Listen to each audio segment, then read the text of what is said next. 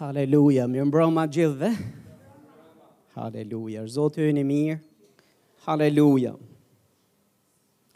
Mateu kapitulli 18, vargu 24 dhe 25, janë vetëm dy vargje, nuk janë shumë,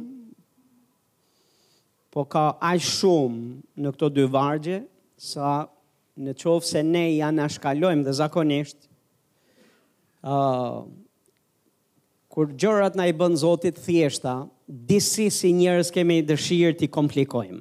Kemi dëshirë uh, të përpiqemi të mendojmë se sa të thella janë thëniet e Jezusit, Mm, të përpiqemi të themi çfarë ka dashur të thotë Jezusi, a thua se Jezusi nuk na i ka bërë të thjeshta dhe të qarta. Dhe në këto dy vargje na flitet shumë. Na flitet shumë për jetën tonë, mirëqenien tonë si njerëz të Zotit. Haleluja. Shifni se çfarë Jezusi thotë.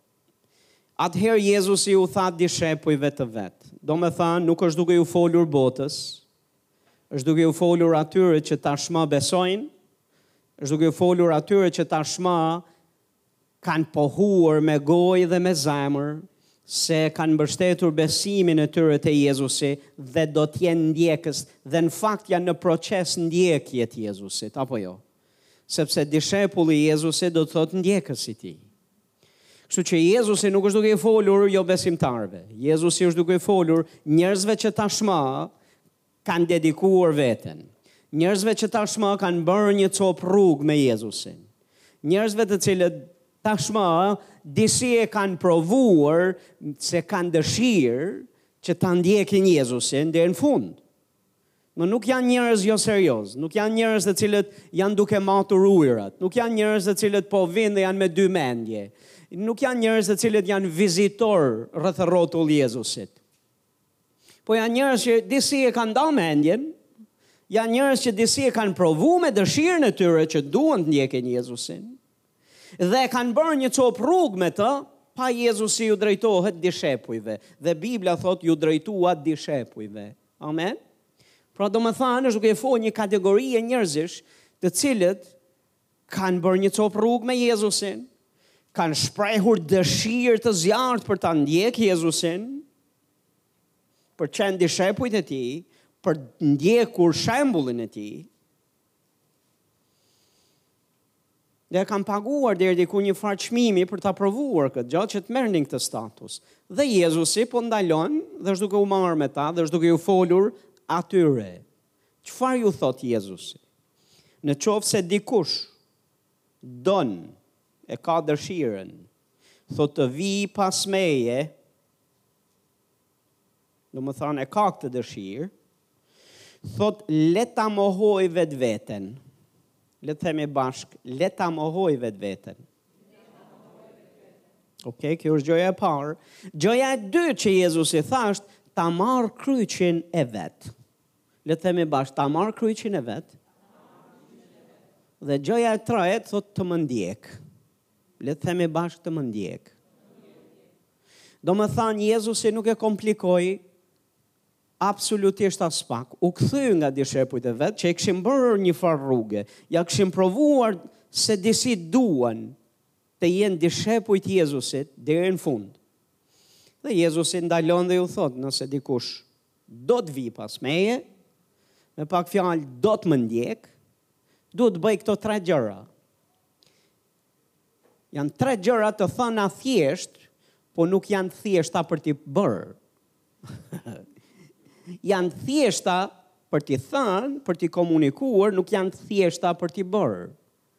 Por janë apo s'janë thjeshta për t'u bërë, në fund të ditës, nëse ne i bëjmë, do të korrim frutin e saj, frutin e veprave tona. Nëse ne nuk i bëjmë, Atëherë, pastor, do të korrim po gjithashtu frutin e veprimeve tona. Dhe ja çfarë thotë Jezusi tek vargu njëzet e pesë, Ai që do ta shpëtojë jetën e vet, do ta humbasë. Por ai që do të humbasë jetën e vet për shkakun tim ose për hirin tim, thotë do ta gjejë ata. Konteksti i asaj çfarë Jezusi është duke folë tek vargu 25 është i lidhur ngushtë me vargun 24. Nuk janë të ndarë nga njëra tjetra. Edhe nuk është normal që ti t'i ndajmë nga njëra tjetra. Jezusi çfarë është duke thënë kur thotë nëse dikush do ta shpëtojë jetën e vet do ta humbasë. Si mund ta humbasësh jetën tënde që ta shpëtosh? Çfarë lloj humbje mund t'i bësh jetës tënde ti Që të jetë e garantuar se do ta fitosh, se do të shpëtosh. Se do ta fitosh jetën. Çelësi është, ajo është shumë e thjeshtë. Janë tre gjëra që duhet të bësh. Për shkakun e Jezusit ti mohon veten. Për shkakun e Jezusit ti merr kryqin tënd. Për shkakun e Jezusit ti e ndjek atë. Se për shkak të dashurisë që ke për to. Kjo është ajo çfarë Jezusi thotë, kush e do jetën e vet do ta humbasë. Domethënë, në qoftë se ti do që të gëzosh jetën tënde, ta shijosh jetën frymore, dhe në mënyrë të veçantë të hysh dhe të shijosh llojin e jetës që Perëndia ka për ty, Këto tre kushte janë domosdoshmëri, janë jetike. Është kërkesë që Jezusi ia ka bërë çdo dishepulli, kërkesë që ia ka bërë gjithkujt që do ta ndjekë Jezusin, që e ka shpreh dhe shpreh dëshirën për ta ndjekë Jezusin. Dhe nëse refuzojmë Refuzojmë ta japim jetën, që do të thotë refuzojmë që të mohojmë veten, refuzojmë të marrim kryqin tonë, refuzojmë të ndjekim Jezusin, atëherë ne do ta humbasim jetën tonë. Pastor, kjo është përgjigja e shumë prej vuajtjeve të shumë besimtarëve. Pse jeta ime është lëmsh? Pse jeta ime, pse s'ka gëzim? Pse nuk duket sikur gjërat po ecin? Pse dëgjoj e dëgjoj e dëgjoj e dëgjoj për mrekulli dhe vepra të mëdha që Perëndia po bën edhe dëshmi të shfaqjes pranisë Zotit, të bekimeve të Perëndisë në jetën e tjerëve. Unë jam aty i dëgjoj i duartrokas kam vite që jam në Zotin, pse me mua nuk është kështu? Pse më mungon prania? Pse më mungon shfaqja e krahut Zotit? Pse më mungojnë dëshmitë? Pse më mungon lloji i jetës për cilën Bibla flet? Pastor, shumë nga përgjigjet janë pikërisht te kjo gja. Sepse ne duhet ndajmë mendjen që kur i kemi thanë po Jezusit dhe kemi shprehur dëshirën për ta ndjekur atë, kjo ndjekje ka kushte. Kjo ndjekje nuk është pa kushte. Dhe më leni t'ju them një gjë, këto kushte nuk kanë për t'u përmbushur nga Jezusi dhe nuk u përmbushën nga Jezusi në drurin e kryqit. Ta them edhe një herë, nuk kanë për t'u përmbush nga Jezusi sot dhe as nuk janë përmbushur nga Jezusi në drurin e kryqit për ty dhe për mua. Në drurin e kryqit është paguar çmimi që ti ta marrësh këtë të drejtë. Në drurin e kryqit është paguar çmimi që ti të kesh mbështetjen e frymës shenjtë, ndihmën e frymës shenjtë, të kesh hirin e Perëndisë në mënyrë që ti ta paguash këtë çmim. Ti e ke këtë të drejtë. Ty gjithashtu në dispozicionin tënd është ndihma e frymës së shenjtë. Është përkrahja e Perëndisë, është hiri i Perëndisë, është fuqia e Perëndisë se ti nuk e bën dot, nuk ja del dot në forcat tua. Por vendimi është i yni. Zgjedhja është, zgjedhja është e jona dhe ne jemi ata që duhet ta paguajmë këtë çmim. Ne jemi ata të cilët duhet thash ta përmbushim, t'i përmbushim këto kushte. Nuk janë kushte të përmbushura tashmë. Jetojmë në një kohë ku duket se kisha është duke duke u endur mbas mesazhesh që jau shurdhojnë veshët dhe ja ngurtësojnë më shumë zemrën. Dhe gjatë gjithë kohës përpiqemi ta largojmë gjithë gje, përpiqemi të gjejmë predikime e shërbesa e mesazhe si e si si të gjejmë një mënyrë dhe një rrugë që t'i heqim përgjegjësitë nga vetja, që të heqim përgjegjësitë nga veprimet tona dhe nga ajo çfarë pritet që ne të bëjmë. Ne gjendemi në mëkat, Përpiqemi të fajësojmë gjithkënd tjetër përveç vetes. Gjendemi në rrëmujë në martesë, përpiqemi të fajësojmë gjithkënd tjetër përveç vetes. Nuk jemi të kënaqur me gjërat se si na shkojnë, përpiqemi dhe kërkojmë shumë kush na e ka fajin përveç vetes. Dhe shumë raste, shumicën e kohës, fajtor dhe fajin e ka vetja E kemi, duhet të shohim te vetja. Po çuditërisht ne kërkojmë për përgjigje jashtë dhe aq ma tepër edhe kur janë kushte të cilat Bibla na i flet se duhet t'i bëjmë ne, ne përpiqemi të gjejmë një mënyrë që të rehatojmë veten, ta shmangim veten nga përgjegjësia, përpiqemi ta çojmë gjetiu këtë këto këtë përgjegjësi. Dhe kjo është përgjegjësia jonë.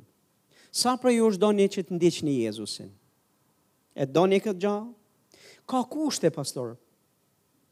Që të ecësh me Jezusin, ka kushte. Uh, është një shkrim në Bibël që besoj do ta gjej. sepse e kam si referencë, edhe nuk po e gjej tani, po besoj është tek Amosi, thotë si mund të ecin dy veta bashkë, në qoftë se nuk kanë rënë më përpara në ujdi, në qoftë se nuk janë marrë vesh. Si mund të ecim bashkë me Jezusin, në qoftë se në fillim nuk jemi ulur, të bëjmë llogaritë, dhe nuk jemi marrë vesh, do të ecim bashkë, Ok, në çfarë kushtesh do të ecim bashkë? A e dini që kjo gjo duhet bërë edhe në martesë, dhe në çdo marrëdhanie në cilën ti hyn, a jeni duke ndigju, në çdo marrëdhanie që ti hyn, ti futesh, ti ke nevojë të dish kushtet edhe përgjegjësitë që ke. Përveç përfitimeve, shumicën e kohës ne duam menjëherë përfitimet dhe vetëm përfitimet dhe duam shmangim përgjegjësi dhe duam shmangim kushtet. Dhe prandaj shumicën e rasteve shumë martesa vuajnë, sepse duan përfitimet dhe kur përfitimet nuk vijnë se nuk plotësohen kushtet dhe nuk plotësohen, nuk mbahet përgjegjësia e asaj marrëdhënie, atëherë fillojmë e vuajmë. Çalojnë përfitimet. Nuk marrim dot përfitimet. Pse pastor, sepse duhet a uh, që dy veta të ecin së bashku, duhet merren vesh, duhet paguajnë çmimin, duhet dinë kushtet dhe përgjegjësitë. Të ecurit me Jezusin ka përgjegjësi, ka kushte dhe pastaj ka përfitime mbrapa. Cilat janë cili është përfitimi pastor? Përfitimi është se do ta gjesh jetën. Pastor, cili është përfitimi? Përfitimi është që do të fillosh të shijosh jetën me Zotin. Cili është përfitimi? Përfitimi është pastor që s'do të të mungojë ajo që të mungon.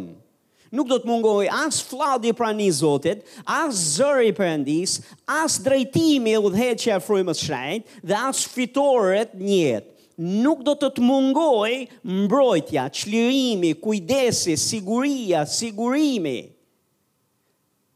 Hiri dhe favori i Zotit, ti do të fillosh ta shohësh dhe do të shohësh se si do të bësh progres në jetë. Se do të kesh gjetë jetën.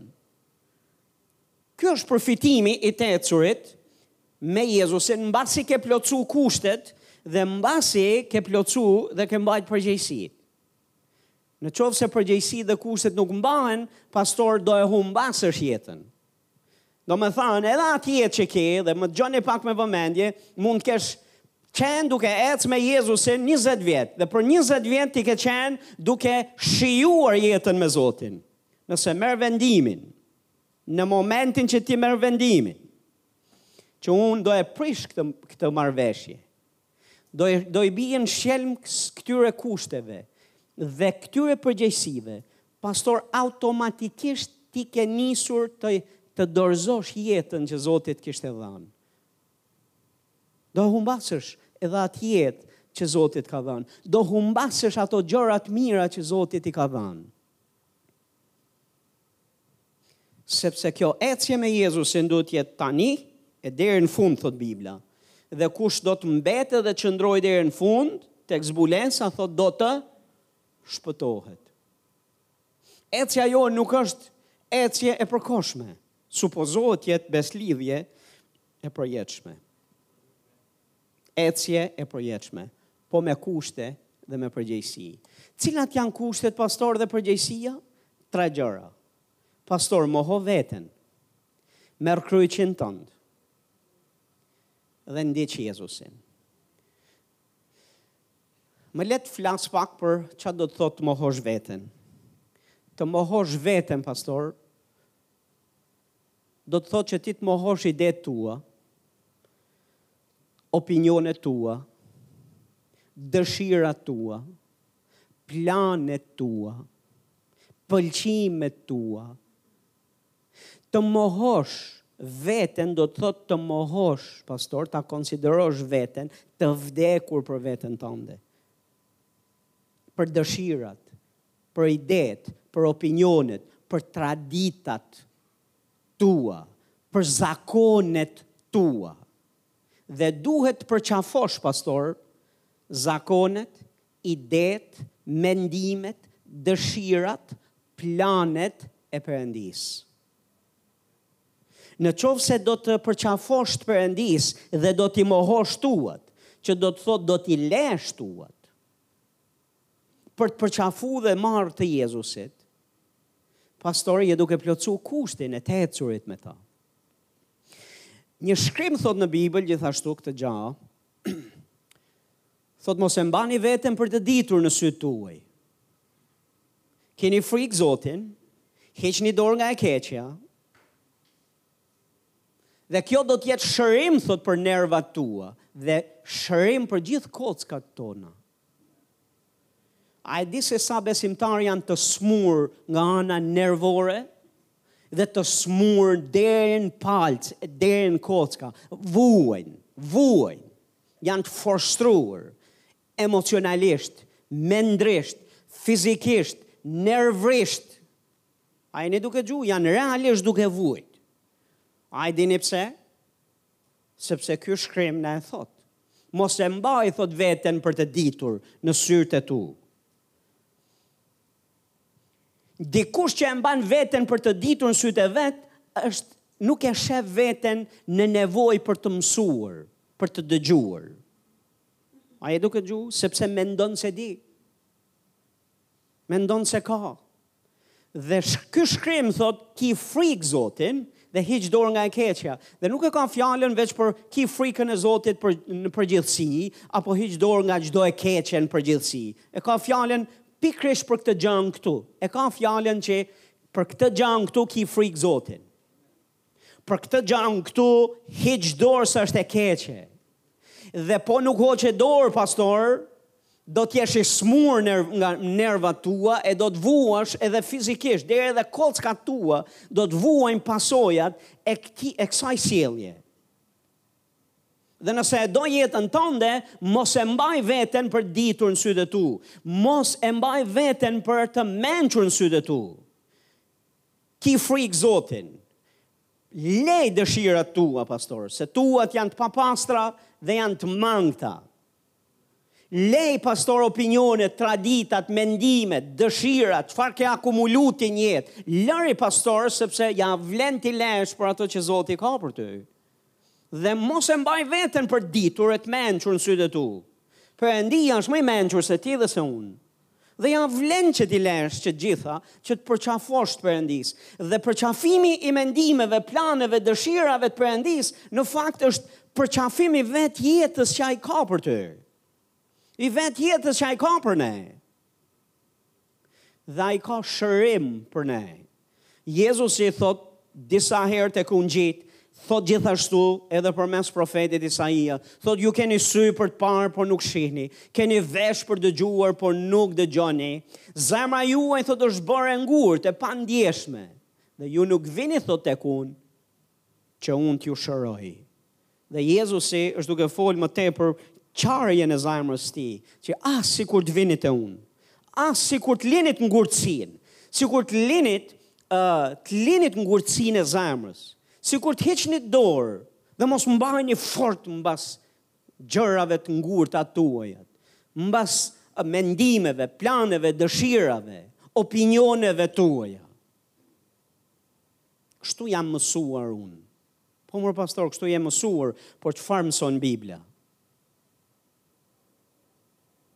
Dhe në qoftë se Bibla të mëson, komplet një gjë ndryshe nga ajo që je mësuar ti, çfarë bën ti, çfarë mendon ti, çfarë dhe si sillesh ti, ti duhet të jesh i shpejt për të ndryshuar, mos e mbaj veten për të mençur, ki frikë Zotin, Hiq dorë nga kjo e keqe, dhe kjo do t'i hapë derën Jezusit të të shërojë ty, nervat tua, emocionet tua të smura. Pastor, nervat mund të smuren. A jeni duke dëgju? Mund të vuash nga ana nervore, ka neurolog për këtë punë, që studiojnë e mësojnë e ka psikiatri për këtë punë. A e dini pse? Që merren pikrisht me këto lloj smundjesh, smundje nervore. Nerva. Smundje mendore, nervore e kështu me radhë. E fizike. Po është shumë e rëndësishme pastor, shumë e rëndësishme që të kemi frikën e Zotit, edhe të bëjmë këtë hap që Jezusi thotë se është për të mirën tonë. Ky kusht nuk është për të na e bërë ne jetën të vështirë. Më Jezusi nuk tha, shikoni, do t'ju jap tre kushte. se mezi kam prit t'jua bëj të vështirë, t'jua bëj të pamundur. Do, do, a, unë kam jetë për ju, po ju s'e merrni dot kurrë. Pse? Sepse janë tre kushte të vështira, janë tre kushte të pamundura. Pastor, ta marrë një e mirë. Ça ka, ça janë ato mendime aq të me vlerë tuat, që ti nuk i le për mendimet e tij, që janë më të larta se tuat, më të mira se tuat? Çfarë janë ato ide e zakone, tradita të cilat ti i ke që ia vlen të mbahesh fort mbas tyre? Dhe mos përqafosh të Zotit. Është një fjalë e Zotit tek ungjijtë, thotë ju i bëni Thotë e bëni fjalën e Zotit pa efekt për shkak të traditave tuaja. Dhe ne nuk do donim që të bëhet asgjë pa efekt. Nuk do donim që asnjë fjalë, asnjë premtim i Zotit të jetë i paefektshëm për ne, i pafrutshëm për ne. Kushti i parë, pastor, moho vetveten. Dhe nëse Perëndia të thot një gja, Dhe ti në veten tënde thua nuk do. Vetja jote thot jo. Nuk e dua këtë që thot Perëndia. Jo, nuk do të bëj këtë që më thot Perëndia. Jo, nuk do ta besoj dhe përqafoj këtë që më thot Perëndia. Kjo është mos mohosh veten, pastor. Kjo është të bësh atë që do ti. A është është e qartë? Po mohimi i vetes do të thotë që për fjalën tënde unë do të bindem. Unë do të hedh rrjetën. Për fjalën tënde unë do ta bëj këtë. Për fjalën tënde unë do të ec. Për fjalën tënde, fjala jote Zot. është autoritet për mua. A jeni këtu? Hapi i dytë është merr kryqin tënd. Në rregull, tani kur flasim për me marrë kryqin e Jezusit, tani ne ne si kishë e dimë që sigurisht që nuk e ka fjalën që të vendosim një tatuazh kryqin në trupin tonë. Apo të marrim bluza të dekoruar me një kryq të bukur, apo të marrim vathë me me kryq në rregull, apo apo që të shkojmë të bëjmë një kryq druri të madh dhe ta tërheqim nëpër qytete, nëpër fshatra. Në rregull se kjo është ajo çfarë Jezusi na ka thënë ta bëjmë çdo ditë. Jo nuk e ka fjalën për këtë, po çka e ka fjalën Jezusi, do të përpiqem t'jua thjeshtoj. Kryqi është vendi ku Zoti Jezus i drejti, ai që s'mëkatoi, zgjodhi që të vuajë, të sakrifikojë veten për ty dhe për mua, që ishim në mëkat. Ne nuk e meritonim, po ai vuajti në kryq për ty dhe për mua. Dhe Jezusi e bëri këtë gja nga dashuria që kishte për atin, në bindje ndaj atit dhe nga dashuria që kishte për ty. Domethënë, ai zgjodhi të dilte nga rehatia e vet, zgjodhi që Të kryqëzohej në drurin e kryqit, të vuante, të duronte kryqin, të duronte torturën, gozhdët. Ishte e padrejtë. Po ja që ai e mori këtë rol, e mori këtë pozitë, nga dashuria për ne, në bindje ndaj Zotit. Çfarë është kryqi ynë? Kryqi ynë është kjo gjë, është ftesa e Zotit, që ti të vetëflijosh veten, të vetësakrifikohesh nga dashuria që ke për Perëndinë, në bindje ndaj Perëndisë, për të mirën e njerëzve, për të mirën e tjerëve, për të mirën e atyre që nuk e meritojnë, Për të mirën e atyre thashë që nuk e meritojnë. Thashë për të mirën e atyre që nuk e meritojnë. Dhe ta bësh këtë për shkakun e Perëndisë. Më dëgjo pak me vëmendje. Ka plot besimtarë të cilët nuk e duan këtë gja. Dhe për shkak se nuk e duan, dhe nuk plotësojnë këtë kusht, pastaj habiten se vuajnë. Sepse duan të hakmerren me njerëzit, sepse duan nuk duan që nëse i lëndon kush t'i lëndojnë mbrapsht. Disa nuk pra, as nuk presin që t'i lëndojë kush t'i lëndojnë mbrapsht. Se nuk kanë fre për të lënduar prapsht e mbrapsht e parq. Dhe nuk kanë nevojë që të reagojnë sepse veprojnë vetë. Nuk kanë nevojë që të jenë të dytët. Domethënë, Të dytët mbasi iu kanë bërë naj gjë të keqe se e bëjnë vetë. Po Perëndia ne na ka thirrur në një jetë vetëflijuese, një jetë sakrifice. Për ta dhënë veten tonë në shërbim të njerëzve për hir të Perëndisë. Në shërbim të njerëzve për hir të Perëndisë. Dhe në qoftë se s'e bën këtë gja, atëherë kurrë nuk do të kuptosh shkrime të kësaj natyre, duaj armiqtë e tu. Fal ata që të bëjnë keq. Bëju mirë atyre që të bëjnë keq. Lutu për ata që të keqtrajtojnë. Beko ata që të mallkojnë. Ti nuk do e kuptosh dot këtë gja. Aq ma tepër ta vesh në praktikë.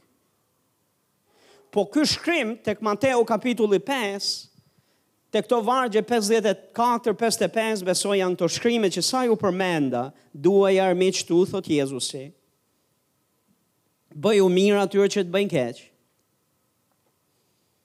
beko ata që të mallkojnë, lutu për ata që të keqtrajtojnë, Pastor, ky standard jete është ftesa e Perëndisë në fakt që ti të sakrifikosh veten tënde një herë e mirë, të gozhdosh veten tënde për të mirë të tjerëve. Po nuk e meriton ti. Sigurisht që s'e meriton ti. Pse duhet ti të sakrifikohesh për tjerët?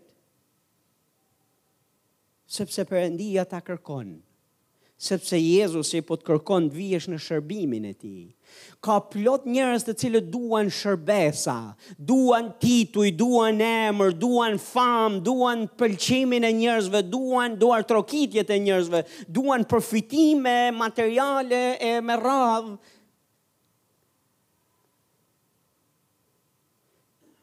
në shërbesë. Duan tapet t'kuq. Dhe që njerëzit vijnë nga gjitha anët dhe thonë, wa, hyrin në skenë. Duan mikrofon n'dorë. Pastor në fakt, Perëndia, mënyra se si Perëndia, ku Perëndia na ka thirrur dhe një shërbës i Zotit, është thirrur në kryq. që të kryqëzohet, ta kryqëzoj veten n'kryq. Kjo është në fakt, uh, kjo është në fakt thirrja e shërbesës. Kjo është në fakt thelbi dhe themeli i të shërbyrit dhe të qenit në shërbesë. Po nuk para e ka qejf kush gozhdët. Nuk para ka qejf kush fyerjet. Nuk para ka qejf kush shkuljen e mjekrrës e të flokëve, e të përfolurat, e të thënat kryqëzoje, e të pështymet në fytyrë. Nuk i ka, s'para ka, i ka kush qejf këto. S'para kush ka qejf që atyre t'cilëve ti u shërben e i do e lutesh e ke bërë gjithçka ça ke bërë për ta, Dhe në fund thonë kryqëzoje, është bërë për kryqëzim. E ka mbush kupën për kryqëzim. Po shërbësi i Zotit dhe shërbës të cilët janë shërbës që dijnë zemrën e Perëndisë, dhe dijnë thelbin e thirrjes Zotit, e dijnë që thirrja parësore është të gozhdohesh në kryq, të sakrifikosh veten Në bindje ndaj Perëndisë, për t'u dhënë bekim e dashuri e shërbim të tjerëve, edhe kur s'e meritojnë. A jeni këtu? Edhe kur s'e meritojnë.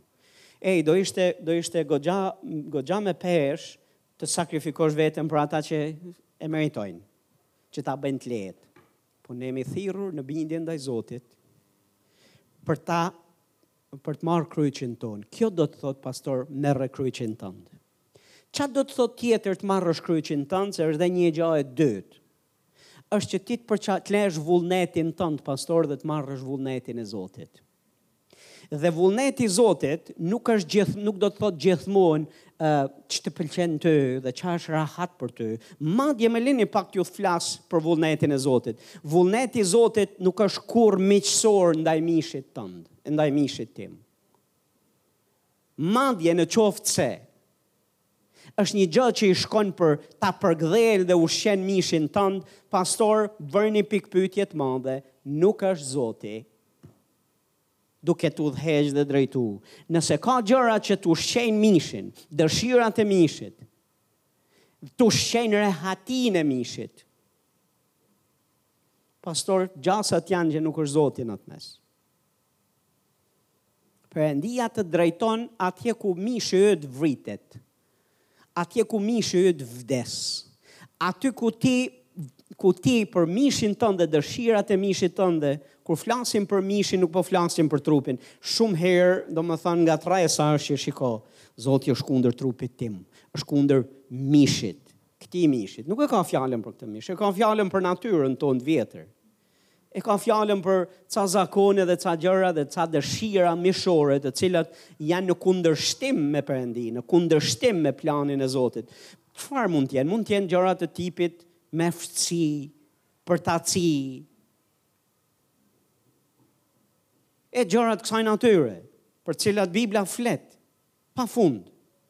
Dhe Perëndia asnjëherë nuk ka për të çuar krenari, Perëndia nuk do të të çojë në gjëra të cilat ta ushqejnë krenarinë, do të të çojë atje ku do të thyhet krenaria. Dhe më leni pak t'ju them se kjo është shkolla e Perëndisë. Kjo është mënyra si Perëndia vepron. Dhe shumë herë besimtarët frustrohen me Zotin, frustrohen me veten, frustrohen me jetën, Sepse refuzojnë të refuzojnë të bëjnë këtë gjanë që jam duke fol. Refuzojnë të marrin kryqin, refuzojnë që të dorëzohen, refuzojnë që të thyhen. Dhe për shkak se refuzojnë këtë gjë, kërkojnë që Perëndia të ndryshojë, Perëndia të thyhet, Perëndia të dorëzohet dhe më lini t'ju them, Perëndia nuk e ka në mend të dorëzohet. Kështu që sa kohë do frustrohemi ne në këtë mes? Sa të dush ti Deri kur të lodhesh ti. Perëndia ka kohë. 40 vjet me popullin e Izraelit. 40 vjet. Nuk e merrni këtë mësim. Sivjet. Mirë, kalojmë te viti i dytë. Dhe Perëndia na flet në mënyrë profetike për vitin e dytë. Dhe viti i dytë është që duhet të bëni atë që ju thashë vitin e parë. Haleluja, ia dolëm edhe këtij viti, vitin e dytë, Perëndia na flet përsëri dhe na thotë atë që ju kam thënë vitin e parë. E kështu me radhë, e sa kohë pastor, derisa 40 vjet, 40 vjet. Po Perëndia nuk e ndryshon ligjin e vet, sepse është e padrejt ta ndryshojë për mua. Të më tolerojë mua, ndërsa të ta bëjë të vështirë ty dhe të jetë e pathyeshme për ty. A do ishte kështu apo jo? Kështu që Zoti ynë është i mirë, është i drejtë. Dhe kushti i tij është që ti të përqafosh vullnetin e tij. Pse nuk funksionojnë gjërat shumë herë për besimtarët dhe për jetën jetën e besimtarit? Është sepse ne duam të bëjmë vullnetin tonë, dhe duam që Perëndia të na e bekojë.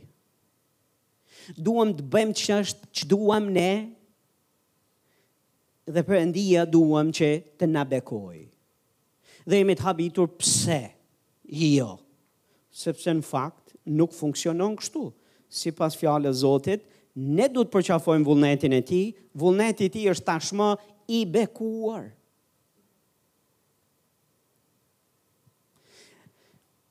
Në planin e Zotit, për jetën tënde, është gjithë sigurimi i Perëndisë, është gjithë mbrojtja e Perëndisë, është gjithë siguria e tij, është gjithçka që të duhet ty, është në planin e tij. Kur dalim jashtë planit Zotit, ne kemi hyrë në territore të rrezikshme, jemi largu vetë, jemi largu vetë nga bekimi. Kushti i dytë është të marrësh kryqin.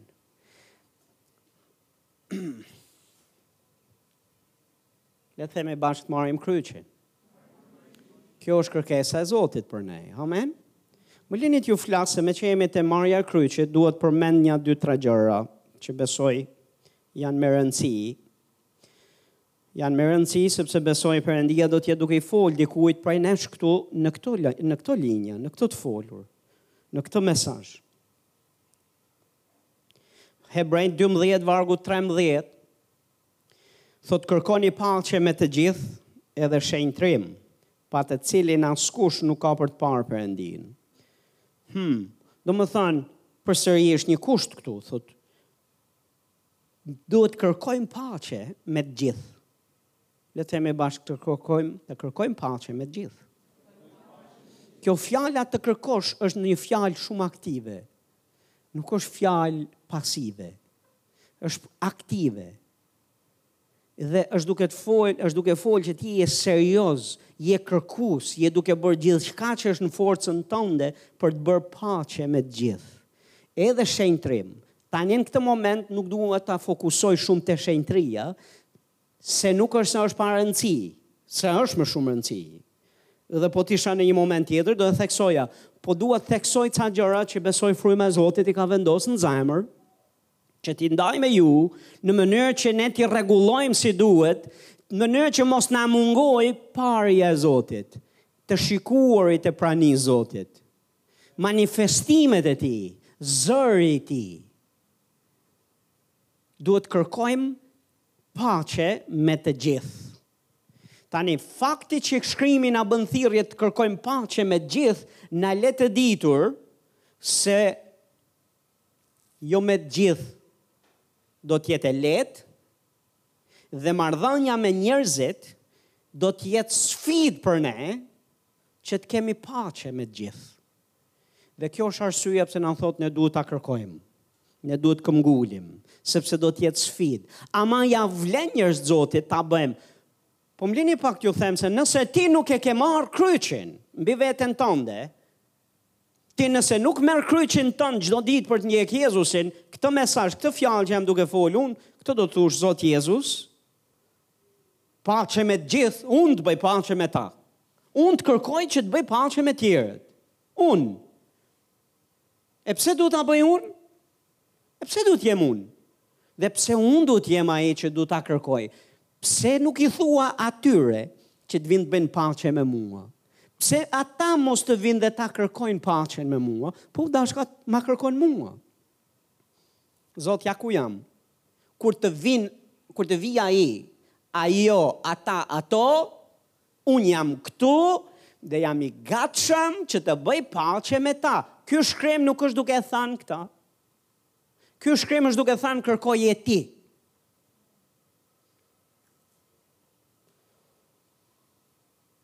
Ho, ta kërkoj unë paqen me të gjithë. O pastor po e di se tek këto të gjithë hyjnë ca njerëz që kanë bërë ca gjëra që janë me të thënë drejtën. Të gjithë i fal. Me të gjithë mund t'ja dal, po me ca gjëra që janë bërë, janë thënë e janë Këto janë vërtet një nivel shumë i lartë, pastor. Pastor, nëse ti nuk merr kryqin tënd, Për ty çdo gjë do të jetë e vështirë dhe do të jetë gjëra të cilat ti do të përpiqesh t'ia kalosh tjerëve si përgjegjësi dhe nuk do t'i nuk do t'i bësh ti. Po do jesh ky njeriu që do jesh në pritje. Po në qoftë se ti ke thanë një herë që unë do ta marr kryqin tim, do të vuaj, do të sakrifikoj veten, për hir të Perëndisë, në shërbim të tjerëve, Për këtë arsye, unë do ta kërkoj, unë do të jem iniciator, unë do të bëj gjithçka që është në dorën time, të bëj paqe me të gjithë, sa është në dorën time dhe vetë shkrimi thotë sa është në dorën tonë. Dhe me të thënë të drejtën, dua të bëj paqe, e dini pse? Sepse nuk dua të më mungojë prania e Perëndisë. Nuk dua të më mungojë lavdia e Zotit, nuk dua të më mungojë zëri i Perëndisë dhe nuk dua që askush të më bëhet pengesë. Dhe ky shkrim thotë që mund t'u bëkan pengesë të tjerët. Nëse nuk je në paqe me ta. Nuk do ta shohësh Perëndinë. A e more përgjigjen? Pse s'e sheh? Pse s'e ndjen? Hm, pse zëri i tij duket sikur është larg? A e more këtë përgjigje pastor apo jo? Paqe me të gjithë. Ëh. Çuditërisht tani që mendohesh për këtë gjë, e di si të zhduken të gjithë njerëzit me të cilët kanë bërë naj gjë ty. Nuk ke asnjë. Kujtohen, vijnë prapë, mos u mërzit se do hyj pak më thellë, e do vijnë, do vijnë, do vijnë, do kujtohen. Mateu 5, vargu 23 deri 24 thotë nëse ti pra po paraqet ofertën tënde tek altari dhe atje kujton se vëllai yt ka diçka kundër teje, lëre atje ofertën tënde para altarit, shko një herë pajtohu më parë thotë me vëllain tënd, pastaj kthehu, hape telefonin apo më falni, mbylle telefonin, paraqite ofertën tënde. Thotë lëre atje ofertën tënde para altarit, shko një herë më parë thotë pajtohu me vëllain tënd. Pastaj kthehu dhe paraqite ofertën tënde. A e dini njerëz të Zotit që sa herë që sjellim oferta para Zotit, të dhjetat, ofertat, paraqitemi përpara Perëndisë, sepse ne nuk paraqesim vetëm ofertë. Ne e dimë këtë që kur ne paraqesim një ofertë, në fakt jemi duke paraqitur veten apo jo, para tij. Dhe Perëndia thotë e paraqite veten. Ke ardhur në praninë time. Okej, e ça do të bësh? Kam ardhur të sjell ofertën time para teje, ofertë sakrifice, dashurie, adhurimi, shërbimi, nderimi ndaj teje, Zot. Dhe Zoti thotë, disi ta kujton. Dakord, fryma e Zotit ta kujton. Dhe të kujton X-in, të kujton ata ato, ata, dhe t'i kujton sepse Perëndia nuk është i interesuar për fetarizëm dhe formalizëm, është i interesuar për një marrëdhënie të vërtet, një lidhje të vërtet me të, lidhje zemre. Dhe ai kur të kujtohet thot kjo gjë, çfarë thot çfarë thot Jezusi? Thot lëre një herë ofertën aty. Mos ja jep Zotit. Se është e kotë me pak fjalë t'ja japësh Zotit, se është fetarizëm. Të mendosh se ai është kënaqur e pëlqen edhe do të do të thotë që haleluja sa nderues je ti e pranova flijimin tënd, i pranova këngët e tua, i pranova ngritjet e duarve tua, kërcimet tua, këngët tua, të dhënin financiar tëndin, sakrificat tua, asnjëra prej tyre nuk ka vlerën, vlerë përpara Zotit në qoftë se në zemrën tënde ti kujtohesh se dikush A dhe sa probleme ka me këtë varg, nuk e di a keni ju apo jo, po ta lexoj edhe një herë se thot dhe kujtohesh se yt vlla ka diçka kundër teje, nuk thot nëse dhe kujtohesh se ti ke diçka kundër vllait tënd. Është shumë problem kjo. Se është një gjë që ti të gjesh, ti ke problem me vllain tënd. Dakord, dhe është më e thjeshtë. Po ti aty kujtohesh dhe thua, mendohesh që ti ke dëgjuar apo ke marrë vesh se vllai yt disi ka diçka kundër teje. Tashti a e ka me të drejt, a e ka me të padrejt, a është keqkuptim, apo ka ndodhur nonji gjë vërtet. ofenduese ndaj atij individi, po ti e kupton dhe e di n'zemrën tënde që disi, pse s'më flet ky mua?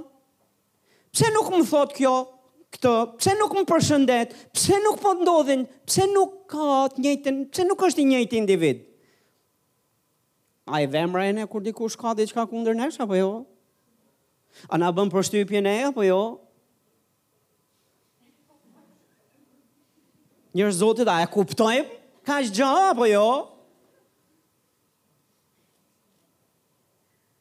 Në qoftë se ti e kupton këtë gjë, pastor, Biblia thot këtë gjë, Jezusi e tha këtë gjë, lëri sakrificat njëherë, lëri paraqitjet e tua tek unë, Nuk është koha me u paraqit ti te unë me gjithë ofertat tua dhe me gjithë këngët tua të adhurimit edhe me gjithë me gjithë ofertat tua. Leji një herë ato. Mirëpo, ne nuk duam t'i lem. Kupton, sa disa herë, ne nuk i lem. Nuk i lem, pastor. Sepse themi nëse ai tjetri ka diçka kundër meje, po t'vi pra t'flas, t'vi t'merret me mua. Pse mos të vijë ai tjetri te unë? Zot, unë nuk kam asgjë kundër atij tjetrit. Dhe Zoti nuk është duke thënë këtë gjë. Nuk thotë që ke ti një gjë kundër tjetrit. Thotë ti kujtohesh se tjetri ka diçka kundër teje. A e keni lexuar dhe ju kështu, prandaj thashë e kam problem këtë varg. Dhe besomëni jam përpjek me e pa në origjinal, Mos ka naj përkthim të gabuar që të shpëtonim nga kjo lloj përgjegjësie, po e shoh që nuk është. Perëndia merr seriozisht marrëdhënien me njerëzit. Ktheuni këtu. E merr seriozisht marrëdhënien me njerëzit. Dhe nëse ka naj gjë që vret vajosjen e Zotit, që vret praninë e Zotit, që vret lëvizjen e Zotit, manifestimin e Zotit në jetën e dikujt apo në jetën e një kishe, është në qoftë se ka marrëdhënie të dëmtuara që nuk që ne zgjedhim të mos merremi me to. A jeni këtu? Haleluja. Ne zgjedhim të mos merremi me to. I neglizhojmë, i anashkalojmë dhe çfarë bëjmë? Ne vazhdojmë të japim ofertën si vazhdimisht, ne vazhdojmë të këndojmë si zakonisht, ne vazhdojmë të bëjmë sikur kjo gjaja këtu po u zgjidh, u zgjidh, po s'u zgjidh punë e madhe ne vazhdojmë jetën e besimit. Dhe Zoti nuk e vazhdon dot jetën e besimit me këto kushte. Sa herë që do paraqitemi para Tij, Ai është po prapë te kjo pikë dhe do të thotë do të përpiqet të ta kujtojë. Dakord, në mënyrë të veçantë tani që jam duke mësuar unë, në mënyrë shumë të veçantë, tani që e zhbiriluam këtë varg dhe e pam në mënyrën e duhur. Tani sa herë që të paraqitesh pastor për nevojat e tua, kur të të kujtohet, Lëre një herë paraqitjen tënde aty, shko paraqitu një herë e bëj atë çfarë është prioritet në sytë e Zotit. Shko paraqitu një herë te vllai dhe motra që ti e di se ka diçka kundër teje. Shko ulu fol një herë me të dhe shife se mos e ke lënduar. Se mos rastësisht ka ndodhur që ti të kesh thënë naj gjë që s'është e mirë, se mos rastësisht ka ndodhur. Thash rastësisht që s'pa ndodhur. Rastësisht mund ta kesh, mund të kesh, mund ta kesh vrarë tjetrin. Mund ta kesh lënduar, mund të kesh thënë gjëra. Po mund të ndodhë edhe që janë keqkuptime, pastor, mund të ndodhë edhe kjo, dakord jam, mundet. Dhe në një, sa vite kam unë, 28 e kusur vite që jam në Krishtin, shumë e çuditshme, Po në përballjet e mia me njerëzit, në gjëra të kësaj natyre, shumicën e kohës, uh, shumicën e kohës jam kam ke, kemi ardhur në përfundimin që fajtori dhe faji është jetim. Jemi përpjek të gjemë ku jeton ky jetim. Në kopshtin e edenit, që atë Jo, pastor, jo, nuk është jetim. Nuk është jetim. Mund të jenë keqkuptime dhe sigurisht që janë keq dhe ka gjëra që janë keqkuptime. Edhe këtë e dimë dhe shumë herë njerëzit kur janë në përballje me njëri tjetrin për këto gjëra, përpiqen thonë, Qenkemi keqkuptuar. Po ti e di këtu thellë në zemër që nuk është në fakt keqkuptim. Ti e di që nuk është keqkuptim, po ishte një kuptim në fakt. Është një kuptim shumë i qartë, po ti si t'ja bësh, si t'ja bësh që mos thuash më fal. Si t'ja bësh që t'i thuash të kërkoj ndjesë. Jam sjell gabim keq me ty. Të kërkoj falje e pendohem përpara teje. E di, ka ca besimtarë që ju duket sikur fjala më fal është fjalë mallkimi. Më dëgjoni me vëmendje, nuk është mallkim, pastor. O pastor, nuk është gabim, nuk është mallkim, është fjalë e bekuar, është fjalë nga Zoti.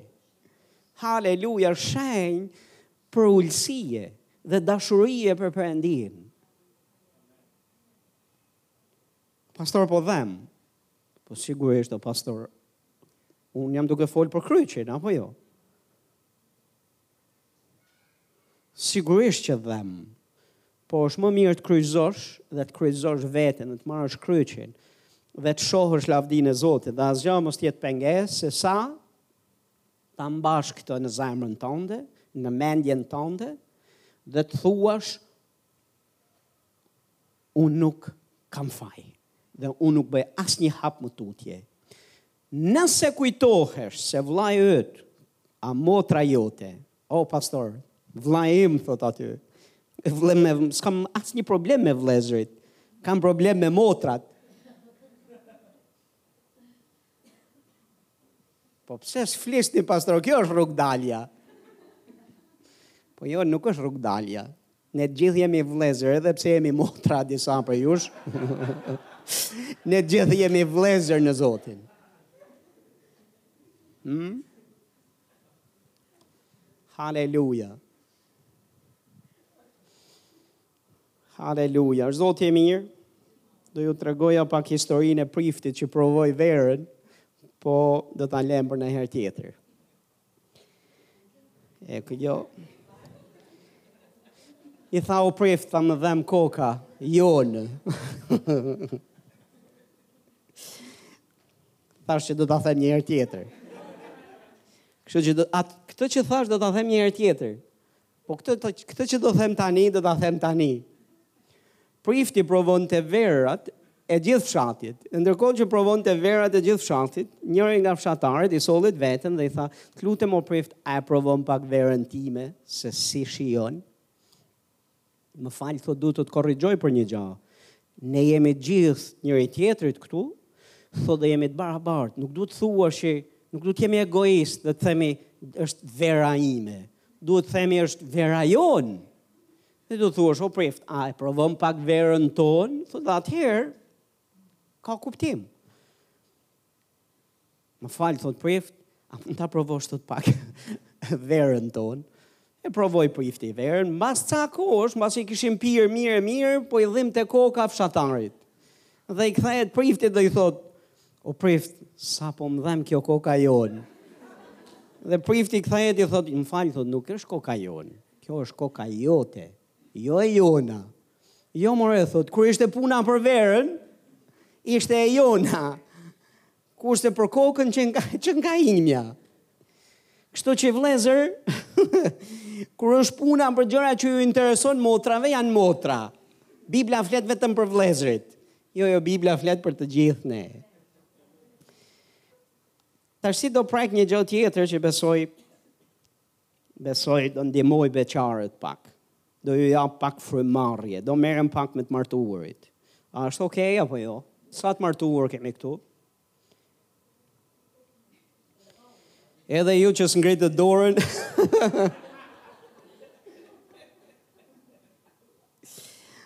Oh, haleluja, po para se të merrem me këta, merrem edhe pak me beqarët dhe gjithë vëllezërit dhe motrat. Se është një, janë, janë ca vargje që më, më janë vërtet të forta. Jakobi 5, vargu 8 dhe 10, jini thotë të durueshëm edhe ju dhe forconi zemrat tuaja, sepse ardhja e Zotit është afër. E di sa sa qejf e kemi këtë pjesën, ardhja e Zotit është afër. A e kemi gjithë qejf apo jo? Haleluja, Jezusi po vjen. Haleluja, Jezusi po vjen, është afër. Po mor pastor, po, ky vargu këtu pak më lart, thotë, jini të durueshëm edhe ju dhe forcojni zemrat tuaja. Vargu nëntë, një varg më poshtë, thotë, mos u ankoni nga njëri-tjetri. Ups.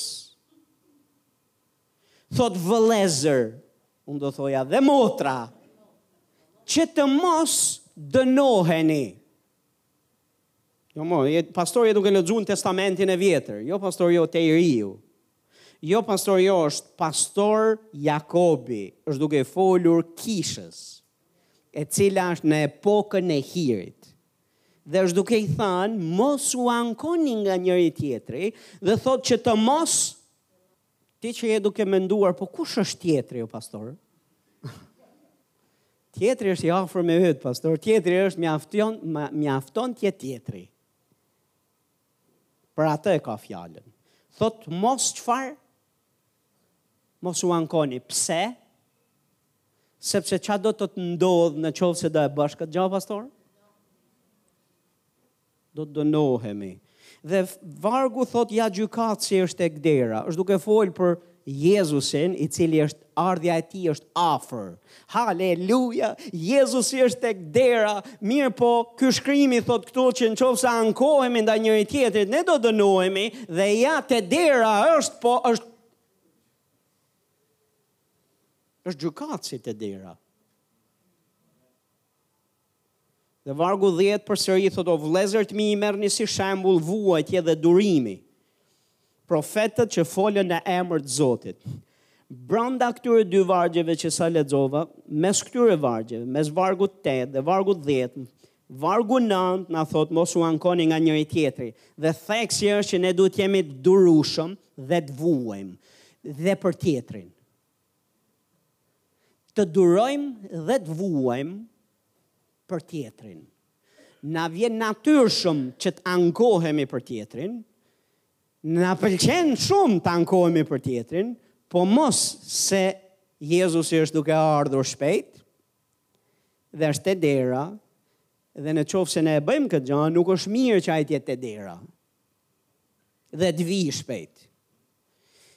Është mirë të na gjejë me kryqin tonë, të vuajmë dhe të durojmë në dashuri për të tjerët. Dhe të gjithë beqarët dhe të martuarit, thonë amen. Tani të flas pak për të martuarit, e para e Pjetrit, kapitulli 3, vargu 7, Ju burra, le të themi bashkë, ju burra. Ku shkuan burrat? Ku i kam burrat? Ishte e bukur kjo. Edhe një herë, ju burra.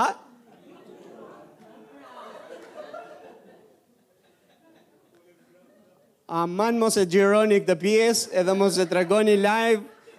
Uleni zërin, uleni zërin a bëjeni një gjë shkëputeni këtë pjesë. Ju burra. Haleluja. Wow. Nuk e mo, nuk e kisha kuptuar, nuk e kisha ditur se jemi në këtë gjendje. Au, mbani, mbahuni burra. Mbahuni burra. Shtrëngohuni burra.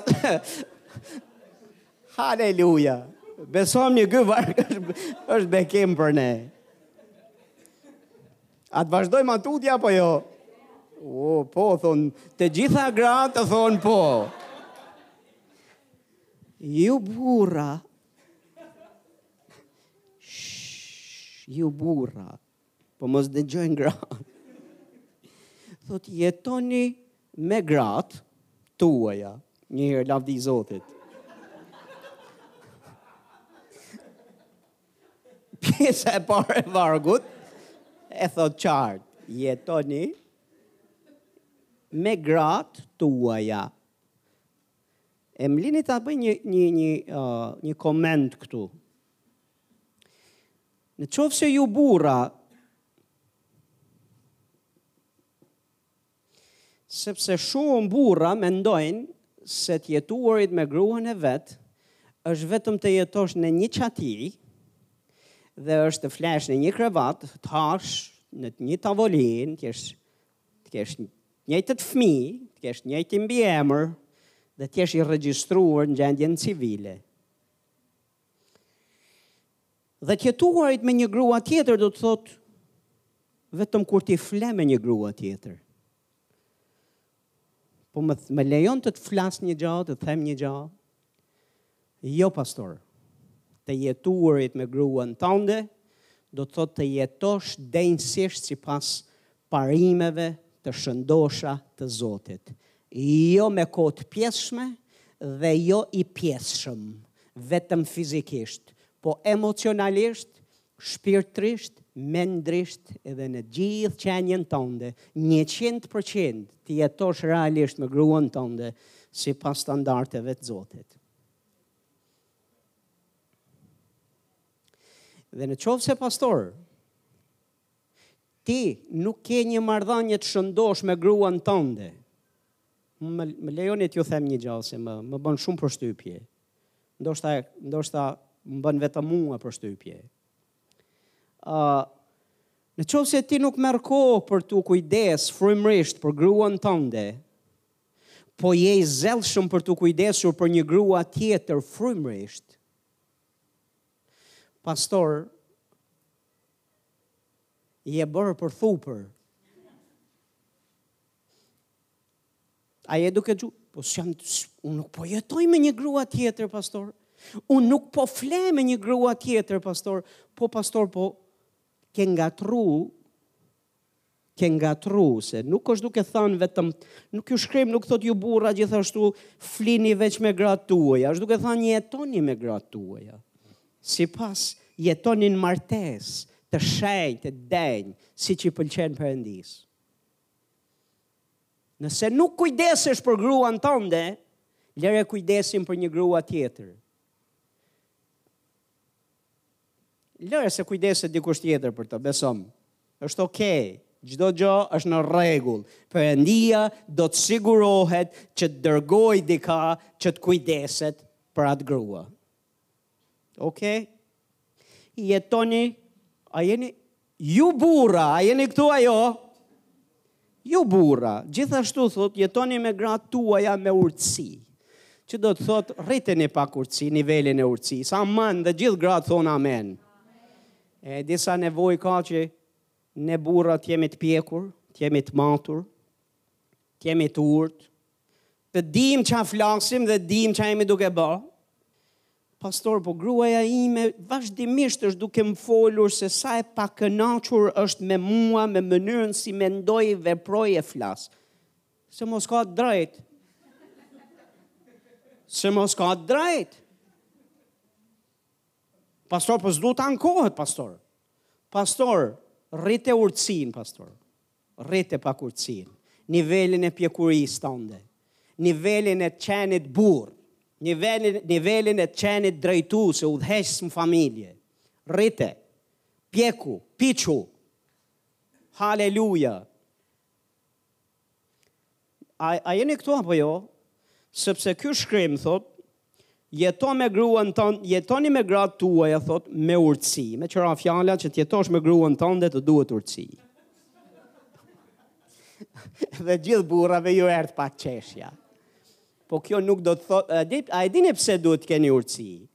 Sepse keni një qenie shumë të urtë e inteligjente në krah.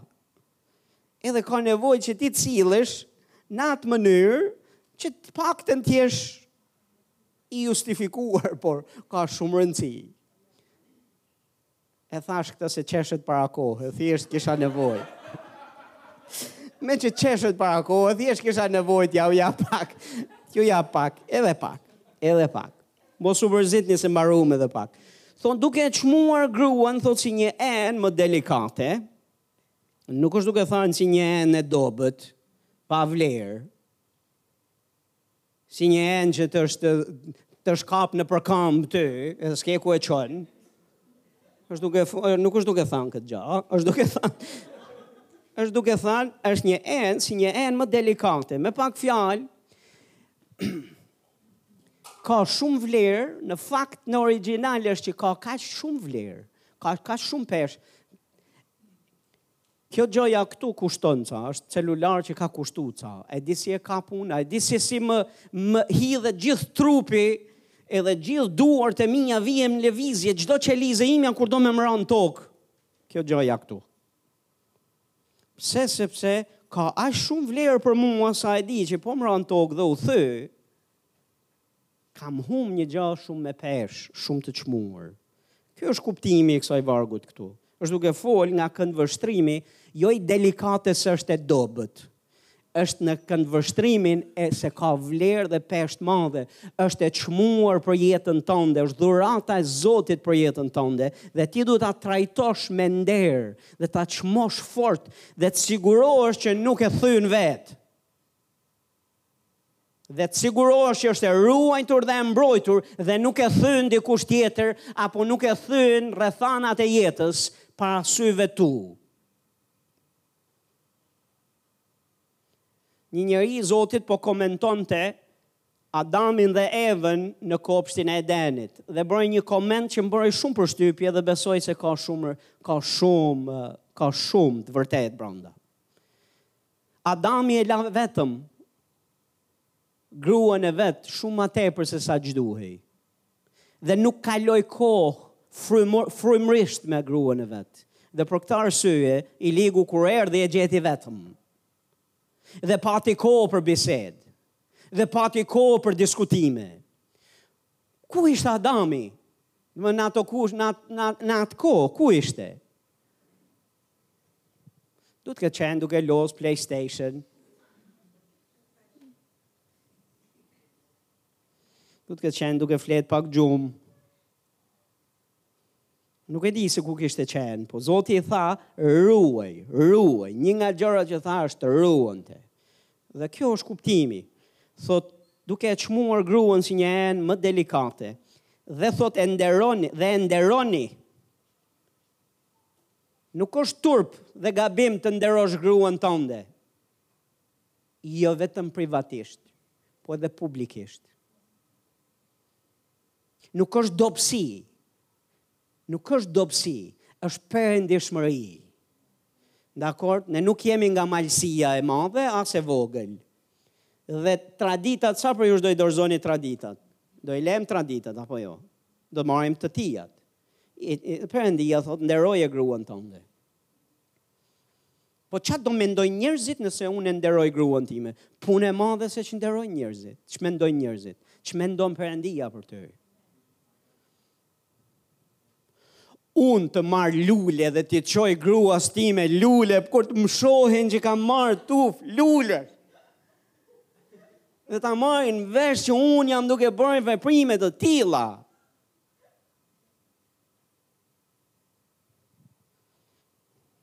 Pastor, po më bie burrëria. Pastor, nuk të bie burrëria. Të bie boria. jo burrëria, po boria mund të të bjerë. Burrëria e perëndishme, jo. Nderoje thotë. Dhe këto janë secila nga këto që jam duke fol janë veprime, pastor. Dhe shumë prej nesh ne mbarojmë të dëgjojmë atë vargun ju gra në nënshtrojuni burrave tuaj porsi Zotit. A sa e duam këtë varg? Dhe sa herë që ne e themi, flasim për këtë varg që është varg i çmuar bi Bible, të gjitha gratë janë duke janë mezi janë duke mbajt karriget, janë duke thënë të të nën Ça është ky varg Bible? Pastor, bëj, nëse ne burrat bëjmë këto që jam duke folë unë, mos u shqetësoni, gratë do jenë shumë të qeta, kur të flasim ju gra nënshtrojuni burrave, pik problemi nuk...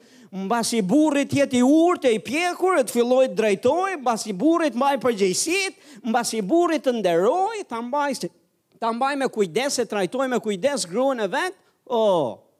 Sa gra e kanë të vështirë t'i nënshtrohen burrit vet në kushte të tilla? A e ke vështirë, ha? Duket se gruaja ime paska pak të vështirë. Mos u shqetëso se do të them edhe një gjë tjetër që do ta bëjë më të lehtë. Se përveç gjithë këtyre gjërave thotë, Duhet me të nderu se je bashkëtrashëgimtare bashkë me mua e hirit. Domethënë, Perëndia paska një hir të përbashkët. Dhe ne jemi bashkëtrashëgimtarë. Domethënë, të njëjtin hir trashëgoj unë, po edhe bashkëshortja ime, dhe thotë bashkë hirit të jetës. A e dini që Perëndia ka një hir për të jetën martesë? Ka plot që nuk ia dalin dot, pse? Se ju mungon hiri? përkrahja e Perëndisë. Perëndia e ka për ta, është trashëgimi, po mënyra se si trajtojnë njëri tjetrin ndalon atë hir. Pengon atë hir. Dhe pastaj habiten se zihen Habiten pse s'ku kuptohen, habiten pse janë të lënduar, habiten pse nuk kanë dëshirë të rrinë me njëri tjetrin, nuk kanë dëshirë t'ia dëgjojnë zërin njëri tjetrit. Uh, e kështu me radhë. Se s'po hy më thellë se nuk besoj se ka burra të tillë në kishën tonë. Thotë që të mos dhe thotë në fund që të mos pengohen lutjet tuaja. Kjo ia vë pikën. Domethënë, Perëndia thotë këtë gjë që çfarë bë kemi në martesë.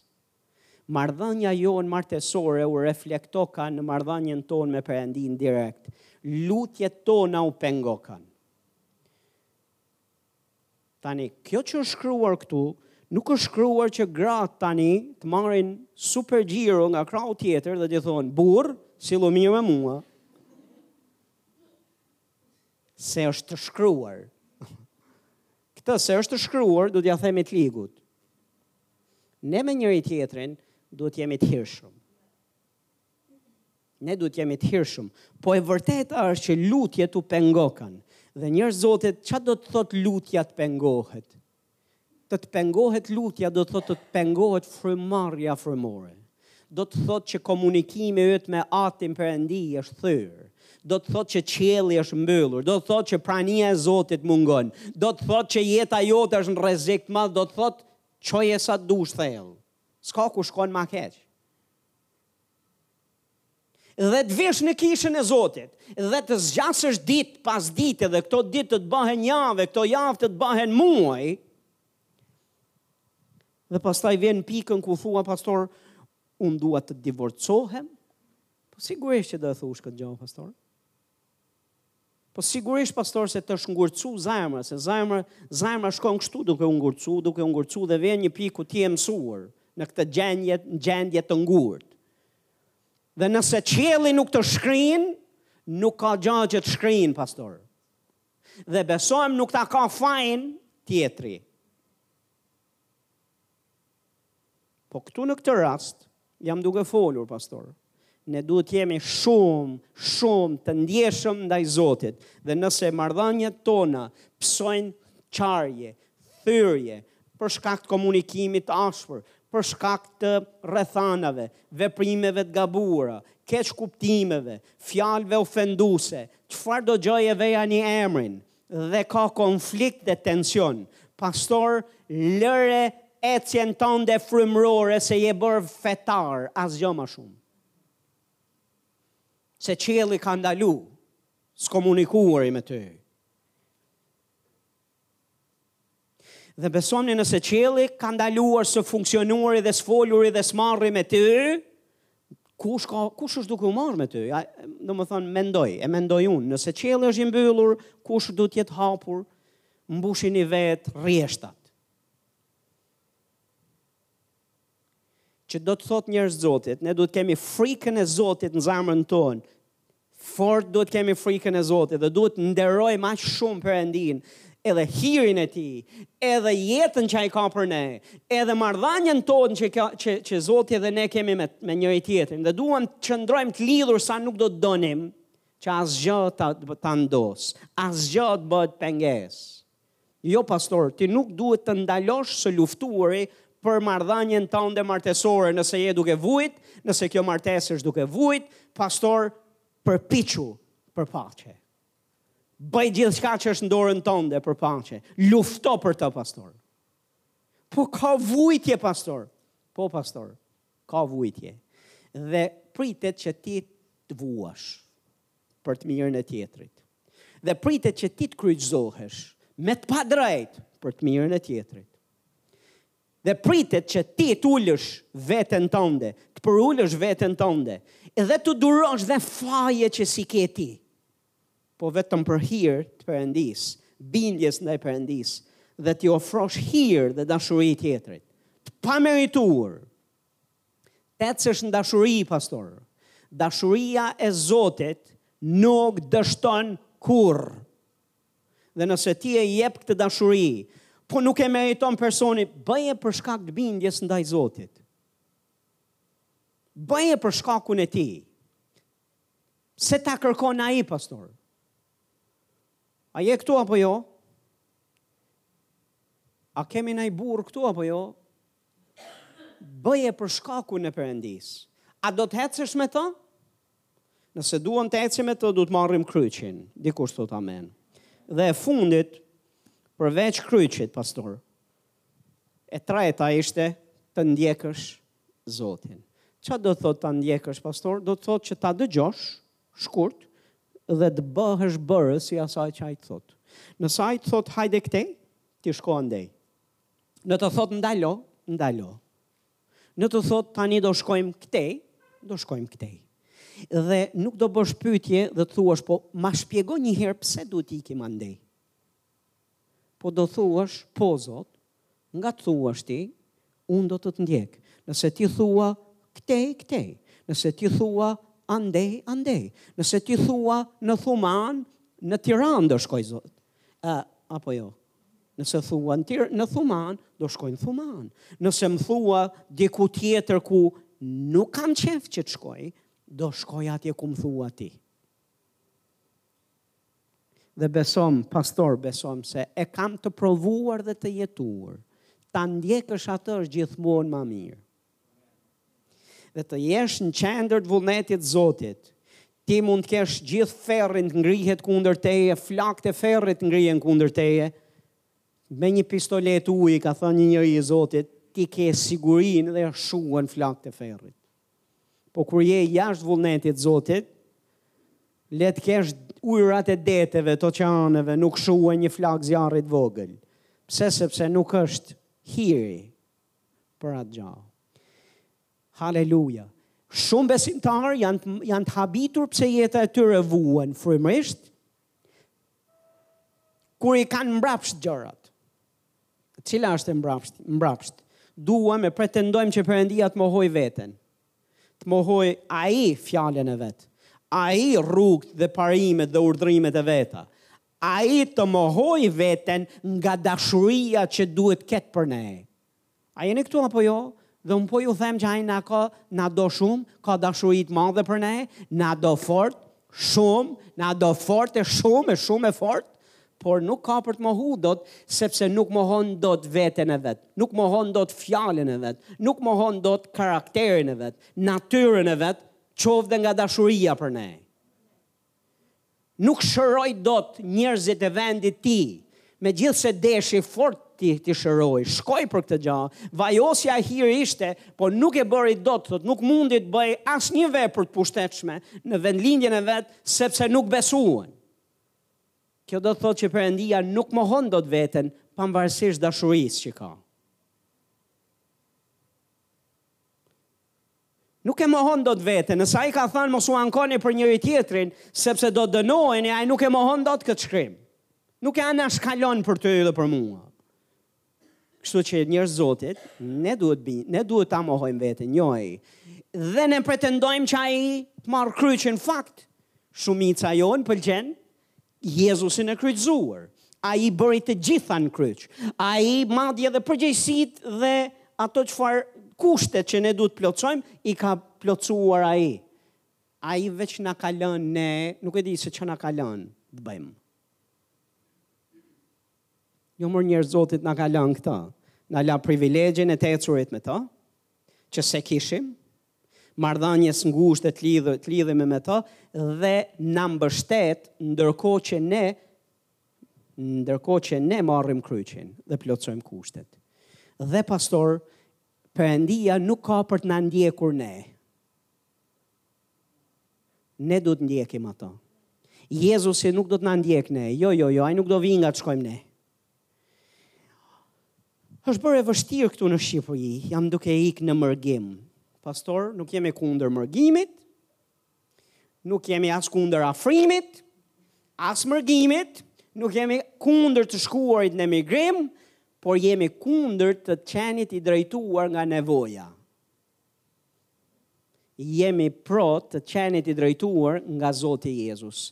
Dhe nëse Zoti Jezus të do në mërgim, dhe mërgim quhet vendi ku je duke shku, se të ka drejtu ai, pastor ne e quajmë biblikisht ti je duke shkuar në vullnetin e Zotit. Je duke shku aty ku Zoti të do.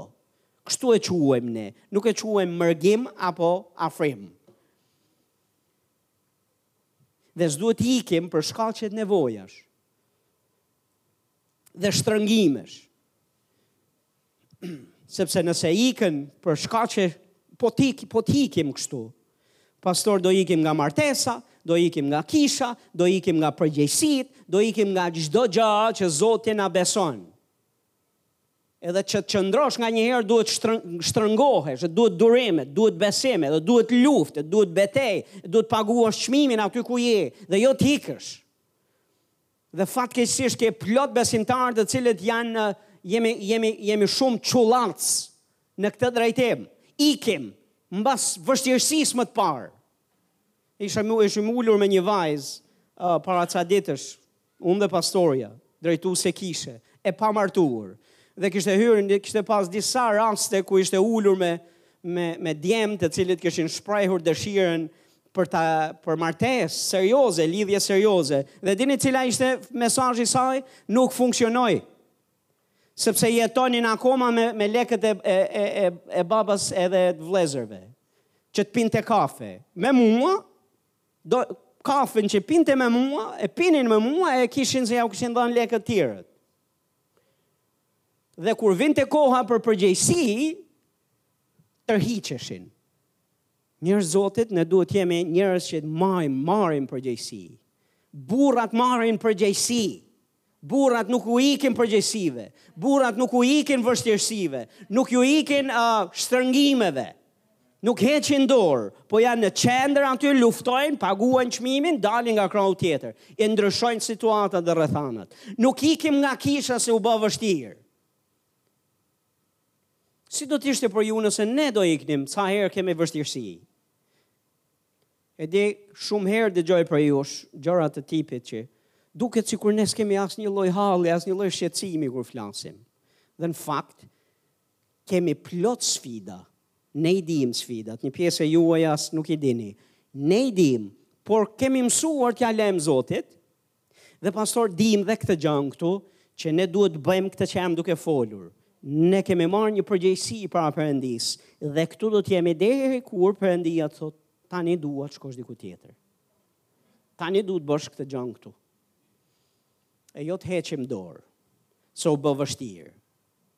Hm, disa prej jush është njës një nisma, uh, për të, për t'u ushtruar për një talent të caktuar, për një Ç'a të them unë, nisni një biznes, a nisni një punë. Dhe e merrni me shumë zell ato ditë të para. Ua, oh, aleluja, muaj mjalti, fillimi. Po pastaj kur të fillojë të rritet kërkesa, të rritet nevoja për të dhënë ti më shumë. Heq dorë. Njerëz të Zotit, le të maturohemi, le të bëhemi burra. Është Zoti i mirë. Dhe tre gjëra thamë, kushte. Kushti i parë është moho veten. Pse duhet të fal? Moho veten, s'është për ty. Merr kryqin e Zotit. Pse duhet të fal? Merre, bëje për shkak të Krishtit. Ti duhet të falësh sikur të fali ai ty. Ti duhet të japësh e të pajtohesh dhe të sakrifikosh sepse ai e bëri hapin ndaj teje, bëje ti të njëjtën gjë. për shkakun e tij, pastaj, se do të ecësh me ta. Dhe ti ndiqe atë. Haleluja, dhe mos pretendo të të ndjekë ai ty. Është Zoti i mirë. O Atë i çmuar në emër të Zotit Jezus, unë të jap ty lavdinë, unë të jap ty nderin. Të bekoj me gjithë zemër për këtë mesazh, për këtë fjalë. Perëndia im, ti nuk ke dënim. Ti nuk ke, nuk ke, ti nuk na vret me fjalën tënde. Ti na jep jetë. Ti do që të na japësh hir. Ti do që të na shërosh, ti do që të na bekosh. O, oh, haleluja, Perëndia ynë, në emër të Jezusit. Na ndihmo të gjithëve, Perëndia ynë, që të kuptojmë, të, të dallojmë pengesat, Të të të dallojmë Perëndia im, ku kemi, ku kemi, ku jemi shmangur e ku kemi dalë jashtë rrugës në ecjen tonë me ty. Në mënyrë që të bëjmë kthesë dhe sot Zoti im, zgjedhim që të ridedikojmë, ripërkushtojmë veten, të haleluja shqyrtojmë veten tonë për të bërë kthesë, për të ndryshuar. Perëndia ynë ti na ke thirrur në mohim të vetes. Ti na ke thirrur të marrim kryqin. Tonë. Ti na ke thirrur që të të ndjekim. Na e bëj të qartë, Zoti im, me anë të frymës së shenjtë, praktikisht çfarë hapash duhet të marrim, ndryshe nga ato çfarë jemi duke bërë. Dhe nëse dikush është duke ecur shëndetshëm dhe mirë e mbarë, i lidhur ngushtë me ty, po shijon jetën me ty, Faleminderit Perëndia im që ti do t'jua konfirmosh në zemrën e tyre me anë të paqes e gëzimit e prekjes së frymës së shenjtë. Haleluja, si dëshmi pëlqimi se çdo gjë është në rregull mes tyre dhe teje. Po nëse jo Perëndia im, për ata të cilët janë duke çaluar dhe kanë lënë të ligun disi që të ndërhyjë dhe të bëhet pengesë, hapjau sytë, kujtojau me anë të frymës së shenjtë. Kujtojau me anë të Frymës së Shenjtë të gjithë ata njerëz dhe të gjithë ata njerëz, Perëndia im, që mund të kenë diçka kundër tyre. Kujtojau, Zoti im, haleluja, jetën martesore, jetën vëllazërore, jetën me njerëzit. Kujtojau, Perëndi, a ka dikush dhe a ka ofezë diku që duhet sqaruar, që duhet falur e duhet biseduar për to. nën hirin e nën frikën tënde.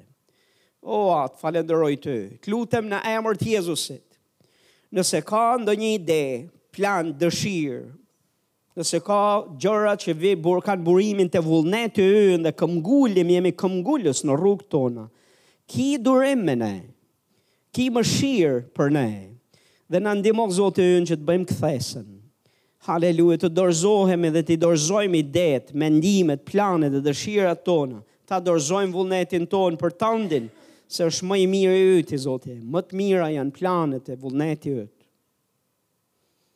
Në emër të Zotit Jezus ne të duam ty, të duam ty, të çmojmë ty, të nderojmë ty. Ne zgjedhim frikën tënde dhe ne zgjedhim të braktisim të keqen. Haleluja.